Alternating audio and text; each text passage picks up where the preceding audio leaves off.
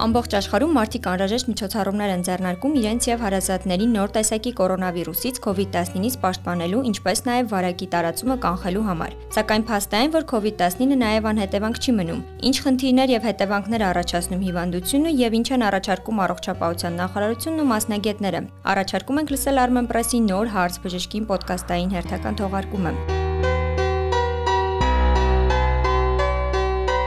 Բարև ձեզ Armenpress-ի սիրելի ունկնդիրներ։ Ձեզ հետ լրատվական գործակալության թղթակից Գայանե Գաբոյանն է։ Հարց բժշկի նախագծի հերթական թողարկման շրջանակում COVID-19-ի թողած հետևանքների եւ դրանց հնարավոր մեղմացումների ուղղությամբ իրականացվող քայլերի եւ մի շարք այլ հարցերի շուրջ զրուցելու ենք ընտանեկան բժիշկ Սրտաբան Սամվել Հայրումյանի հետ։ Բժիշկ Հայրումյան, շնորհակալ եմ հրավերն ընդունելու համար։ Համավարակի տարածվելուց հետո շատ են շրջանառվում COVID-ի տարբեր հետևանքների մասին մեկնաբանությունները։ Օրինակ, որ այն սրում է տարբեր հիվանդություններ եւ բացի բոլորի շատ շատ հայտնի համհոտի կորստից նաև այլ խնդիրներ է առաջացնում։ Դուք ձեր պրակտիկայում ել ինչ խնդիրների եք բախվել։ Քանի որ արդեն բավականին ժամանակ է անցել ու կուտակվել են մեծ շատ տվյալներ, որոնք վիճակագրական արդեն արժեք են ներկայացնում բժշկության մեջ, Եվ որոշ տվյալներով բարձվել է, որ շուրջ 80%-ը որևէ ախտանիշ պահպանվում է երկար ժամանակ ու դրա հիման վրա արդեն նույնիսկ դասակարգման տենց անուն են դրել օրինակ մեծ բրիտանիայի առողջապահության ազգային ինստիտուտի առաջարկությամբ ստեղծվել է այսպիսի դասակարգում միջև 4 շաբաթ տևողությամբ սիմպտոմների արկայության դեպքում դա համարվում էր սուր կոവിഡ് 4-ից 12 շաբաթ տևողությամբ եթե համարվում է ձգձգվող կամ երկարատև կոവിഡ് եւ 12 շաբաթից ավել արդեն հետ կոവിഡային համախտանիշ ու որոշվեց, որ 4 շաբաթից ավելը պայմանական անվանեն երկարատև կամ տևական COVID, որի մեջ մի քանի ախտանիշներ կան, որոնք շատ հաճախ են հանդիպում, մի քանի ախտանիշներ կան ավելի հազվադեպ եւ մի քանի ախտանիշներ կան, որոնք շատ հազվադեպ են հանդիպում։ Ամենահաճախ հանդիպող ախտանիշներից են հոգնածությունը կ ូវ իդից հետո, հազը եւ հեվոցը, ցավերը կրծքավանդակում ու ցավերը հոդերում։ Ու համի ու հոտի խանգարումների տարբեր տեսակներ, ընդհանուր նաեւ հոտառության իսպար բացակայություն։ Այս նշածներս ամենահաճախ հանդիպողներն են ու որոշ վիճակագրական տվյալներով շուրջ 80%-ի մոտ այդ որևէ սիմպտոմ լինում է նշվածներից։ Կա հազվադեպ ավելի հանդիպող, որոնց դրանցից են օրինակ գլխացավեր, գլխապտույտներ,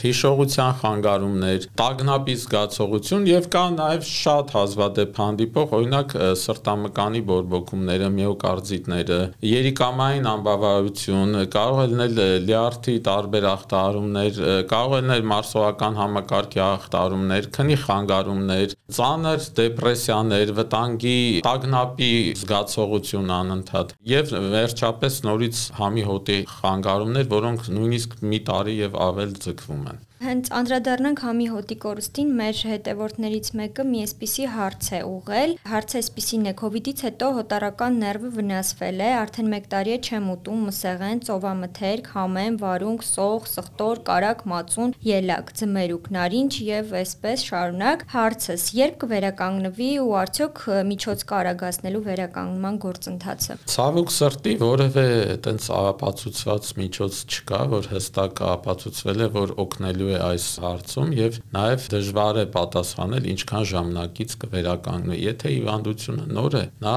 մեզ անընդհատ նոր անակնկալներ է մատուցել, անդադ մուտացիաների է ենթարկվել վիրուսը եւ հետևանքներն էլ են նոր ու որևէ տես հստակ տվյալ չկա, որ ասի, որ հաստատ այսքան ժամանակից հետո կա վիճակագրություն, որ մոտ 5%-ի մոտ միջև մի տարի եւ ավել նույնիսկ կարող է շարունակվել։ Ու ելի տենց նորից ապացուցված միջոցներ չկան, որ հաստատ օգնելու են։ Հոտառության վերաբերյալ կան տվյալներ, որ օգտակար է վարժությունները, հոտառական վարժությունները, այսինքն ֆիքսված տենց եթերային յուղեր, որոնք հստակ հոտեր ունեն, վրան նկարած է, որ ինչի հոտ է, մարդը սկսում է օրը մի քանի անգամ այդ վարժություններ անել, տարբեր հոտերով փորձեր է անում, որ փորձի հիշել, վերհիշել այդ հոտերը եւ կան տվյալներ, որ այդ հոտառական վարժությունները օգնում են հոտառության վերականգնմանը, ուղղակի մի քիչ համբերություն է պետք, ժամանակատար է եւ ելի հստակ չկա տվյալ թե հատկապես ինչքան ժամանակ հետո կվերականգնվի։ Իսկ ինչ է կարծում կարող է լինի այնպիսի դեպք, որ չվերականգնվի էլի սպառ հոտարությունը։ Դե քանի որ ժամանակը դեռ այդ առումով շատ երկար չի,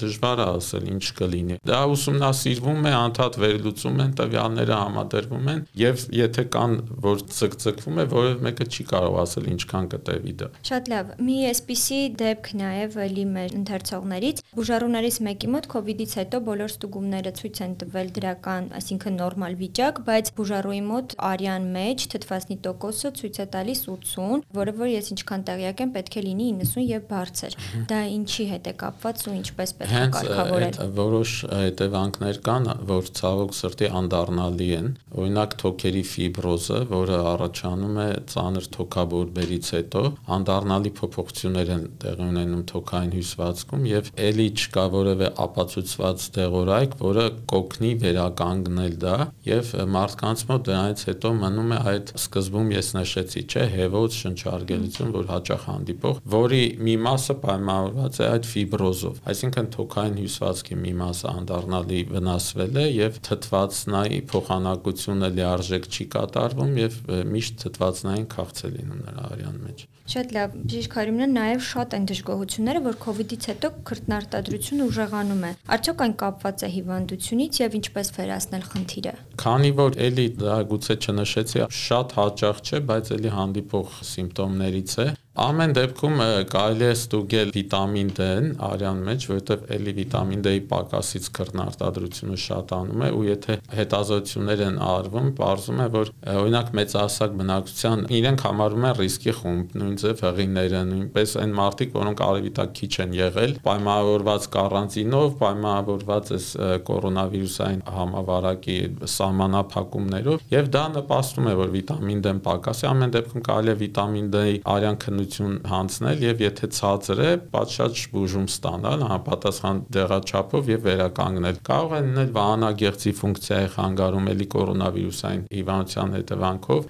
նորից պետք է համապատասխան անալիզներ հանձնել եւ վերջապես հետ վարակային ասթենիայի դրսեւորում դա կարող է լինել։ Ուղղակի ժամանակ է պետք, որ որոշ չափով վերականգնի։ Լավ, դուք անդրադարձաք իհարկե թուլությանը, բայց մեզ մոտ շատ էին էլի այդ խնդրին անդրադարձները։ Թուլություն, հոդացավեր ծնկներում, ուսերում, կոնքային հատվածներում, որքան ժամանակ այն կարող է տևել եւ մի քանի ամիս տևելու դեպքում կա անհրաժեշտություն բժիշկին դիմելու։ Ամեն դեպքում բժիշկին դիմելու անհրաժեշտություն կա, իհարկե, որովհետեւ բժիշկը ըստ գանգատների կոնկրետ համապատասխան հետազոտություններ կանի եւ այդ թուլության դեմ, եթե որևէ փոփոխություններ արյան համակարգ կարգում անալիզներով չի հայտնաբերվում կոնկրետ որևէ բան, ուղղակի խորհուրդ է տրվում աստիճանաբար ավելացնել բացօթյա մարզանքները, աստիճանաբար ֆիզիկական լարվածությունը ավելացնել, խորհուրդ է տրվում սպորտով զբաղվել, այդ ամեն ինչը աստիճանաբար ավելացվի, դրանք կօգնեն որոշ չափով վերականգնել դա ժամանակի ընթացքում ու իհարկե լիարժեք սնունդ, վիտամիններով հարուստ մրգեր, բանջարեղեն։ Լավ, անդրադառնանք ճնշման տատանմանը։ Արդյոք կ ូវ իդից հետո հնարավոր է ճնշման տատանում այդպիսի խնդիր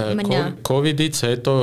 բարձրանում է ցավոք սրտի նաև սիրտանոթային հիվանդություններով հիվանդանալու ռիսկը եւ այն մարդիկ, ովքեր առանց այդ միջ այդ ունեին ռիսկի գործոն հանդիսացող որևէ հիվանդություն, օրինակ զարկերակային գերճնշում կամ շաքարային դիաբետ, նրանք ցանկալի է որ ավելի ուշադիր լինեն սիրտանոթային համակարգի հանդեպ եւ բարբերաբար մահվանդ հաշվառները թե գտնում են ռիսկային տարիքում կամ ունեն այլ ռիսկի գործոններ, ինչպես օրինակ ծխելը, դիաբետը, նորից եմ կրկնում բարձր ճնշումը, նրանք պարտավոր են ավելի ուշադիր լինել եւ բարբերաբար հաճախ են իրենց ընտանեկան բժշկին, որպեսզի համապատասխան հետազոտություններ անել, որոնց մեջ կարող է լինել էլեկտրոսրտագրությունը, արյան մեջ գլյուկոզայի որոշումը, խոլեստերինների որոշումը եւ այդ ամեն ինչը համադրելով գնահատել ռիսկը եւ շատ ուշադիր հետեւել առողջությանը, այդ թվում նաեւ ճնշման կարգավորմանը։ Իսկ հնարավոր է որ ճունենաս այդ խնդիրները, բայց կ ូវ իդից հետո ձեռք բերես ճնշման տատանում։ Այդ դեպքում հնարավոր է նորից կարգավորել այն։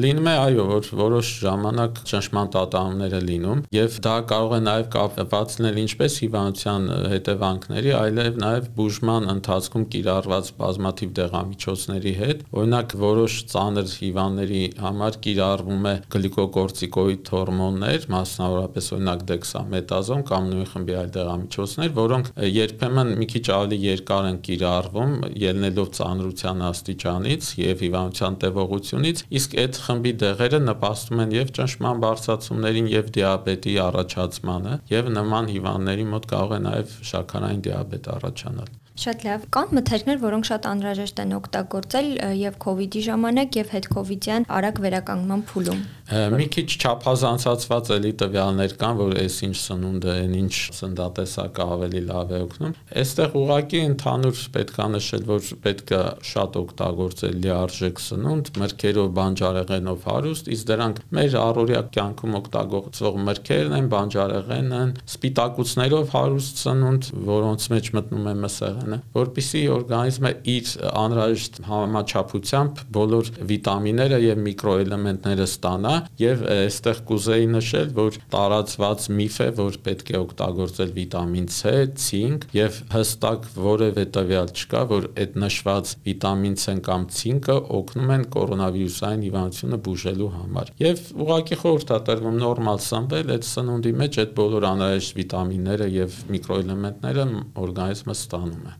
Շատ լավ, ամփոփելով խորհրդի տեսքով 3 խորհուրդ, որ պետք է մարդիկ ներառեն իրանց առօրյան հետ կոവിഡ്յան հետևանքները արագ հաղթահարելու համար։ Կնշեք։ 3 խորհուրդ առողջ ապրելակերպ իհարկե, որի մեջ մտնում է ծխելու դադարեցումը։ Գիտենք, որ ծխողները արդեն բոլորը ռիսկի խմբի մեջ են մտնում կորոնավիրուսային հիվանդության համար։ Այն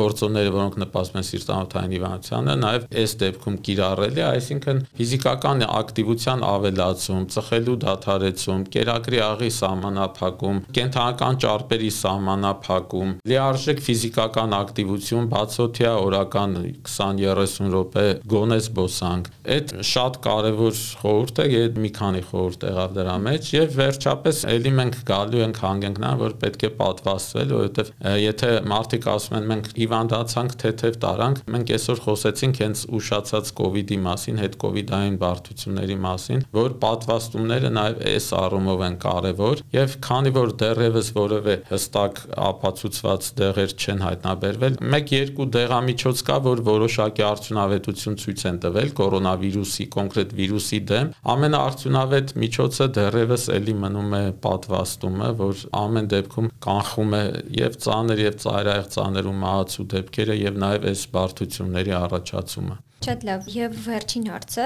արդյոք մարդիկ կարող են COVID-19-ի հանդեպ իմունիտետ ձեռք բերել։ Արկա տվյալներով, երբ որ հետազոտություններ են արել, տեսել են, որ ամենահեշտը հակամարմիններ ստուգելն է, որը համարվում է իմունիտետի տեսակներից մեկը, հումորալ իմունիտետ, եւ հակամարմինները ինչ որ խմբի մոտ մի ամիս կամ ընդհանրապես չեն եղել նույնիսկ առողջանալուց հետո ինչ որ խմբի մոտ նույնիսկ մի տարի է հայտնաբերվել, բայց ելի շատ բարձր մակարդակով հակամարմիններ ունեցողներ բջիջները նորից 100%-ով երաշխավորված չեն եղել, որ չեն հիվանդանա։ Կա նաև բջջային իմունիտետ հասկացողությունը, որ որոշ բջիջներ կան, որոնք հիշողության մեջ պահվում է այդ վիրուսի տվյալները եւ հետագա վիրուսի կրկնակի հանդիպումից ակտիվանում են այդ բջիջները եւ դա նպաստում է իմունիտետի ակտիվացմանը, բայց ելի դեռևս չկա որևէ ապացույց, որ շատ երկար կամ անընդհատ այդ մարդը կունենա պաշտպանվածություն կորոնավիրուսի հանդեպ։ Շնորհակալ եմ մեր հրավերը ընդունելու համար։ Առողջություն։